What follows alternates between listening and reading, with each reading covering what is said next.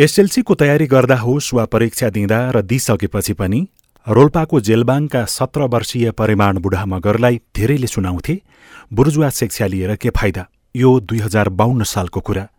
अनि एसएलसी दिएर घर फर्कँदै गर्दा तत्कालीन माओवादीले सुरु गरेको सशस्त्र लडाईँका लागि बाटोबाटै उहाँ भूमिगत हुनुभयो। भाँडाकुँडाहरू अब एसएलसी दिँदाको परीक्षाको किताब कार्यक्रमहरू एउटा घरमा राखेर त्यहीँबाट म भूमिगत भएर युद्धमा लाग्ने भन्ने कुरा अब एक गते सुरुवात गरेँ परिवर्तनका लागि भन्दै भित्ते लेखन र प्रशिक्षणबाट सुरु भएको उहाँको यात्रा तत्कालीन समयमा राज्य पक्षका सुरक्षा पोस्टहरूको सुराकी गर्ने नक्सा बनाउनेदेखि लडाईँको मैदानमा हुमिनेसम्म चल्यो।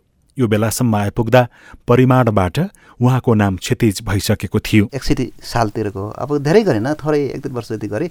म अधिकांश समय त फेरि फिल्डमै खतेँ नि त। सँगैका कैयौँ साथीहरूको मृत्युलाई नजिकबाट निहाल्दै कहिले सिपाही त कहिले कमान्डरको भूमिका निभाउनु पर्यो। विशेष गरी राप्ती क्षेत्रका एक दुई बाहेकका सबै लडाईँमा प्रत्यक्ष सहभागी उहाँको फुर्सदको बेलामा भने देखेका र भोगेका विषयवस्तुबारे टिपोट गर्ने बानी थियो। पुलिसका सुरुका जति पनि चौकीहरू छन् रोल्पा रुकुम सल्यान दाङ जाजरकोट प्युठान यो आसपासका जति पनि आक्रमण छन् सुरुमा दुईवटा बाहेकमा सबैमा सहभागी छु। जवान भएर पनि लडेँ अलिक पछिल्लो चरणमा आफ्नो स्तरको एक ढङ्गको कमान्डर भएर पनि लडे। सेना क्याम्पहरूमा आक्रमण गर्ने अवस्थामा पनि कमान्डरको रूपमा भएर धेरै ठाउँ लडे। दुई हजार सतसट्ठी सालमा उहाँले कक्षा बाह्रको पढाइ पुरा गर्नुभयो तर लडाकुमा प्रवेश गर्दा एसएलसी उत्तीर्ण गरेकाहरूलाई अधिकृतमा समायोजन गर्ने सहमति बन्यो।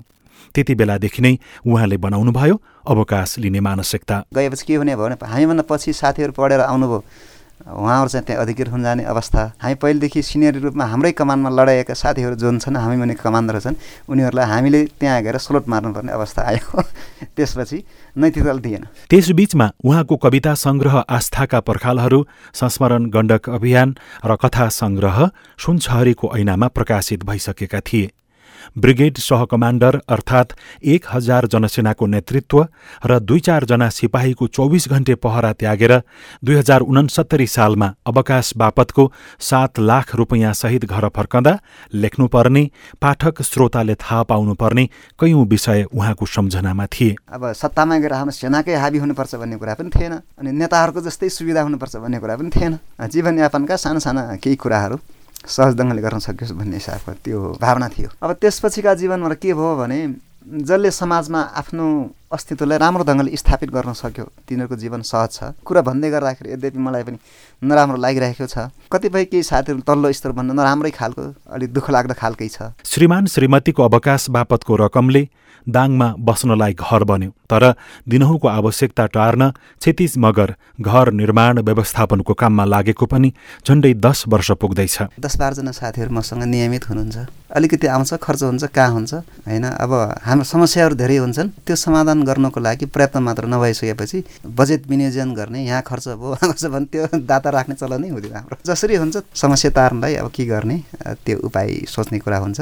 त्यसरी नै तथ्याङ्क नै राख्ने गरेर हामी मजदुरको जीवनमा यो नहुँदो रहेछ। यो पनि एउटा कथा जस्तो लाग्छ। दिनभरको थकान बिर्सेर उहाँ साहित्य लेखनलाई निरन्तरता दिइरहनु भएको छ। मजदुरी गर्छु। गैँती बेलचा चलाउँदा चलाउँदै पनि साँझ आएर फेरि यसो दिनमा काम गर्दाखेरि मनमा लागेको कुराहरू कथामा लेख्छु। राति त्यो कथाहरूले निद्राबाट बिउजाउँछ।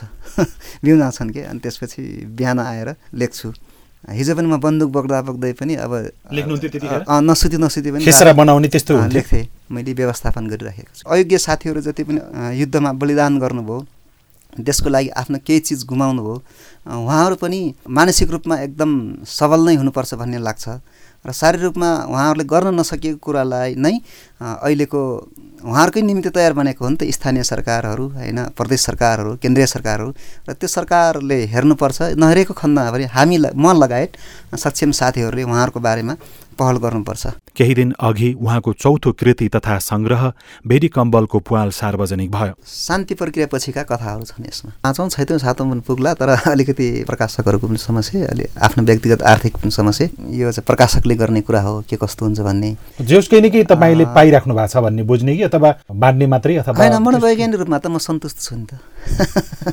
अरू बाँकी कुरा नगरौँ। मनोवैज्ञानिक रूपमा यो कथा लेख्न पाएको मैले चाहिँ एउटा इतिहास आफूले जे जे गरियो अथवा समाजमा जे जे घटना घटित भए त्यसको एउटा अभिलेखीकरण जस्तो भयो कि। एउटा कविता र अर्को कथाको पाण्डुलिपि तयार हुँदै गर्दा अवकाश रोजेका कतिपय पूर्व सहकर्मीको सब खाडी मुलुकबाट आउँदा र नेपालमै भएकाहरूको अवस्था सम्हाल्नै नसकिने देख्दा युद्ध साहित्य बाहेकका विषय लेख्न छुट्छ कि भन्ने चिन्ता क्षितिज मगरलाई लाग्छ।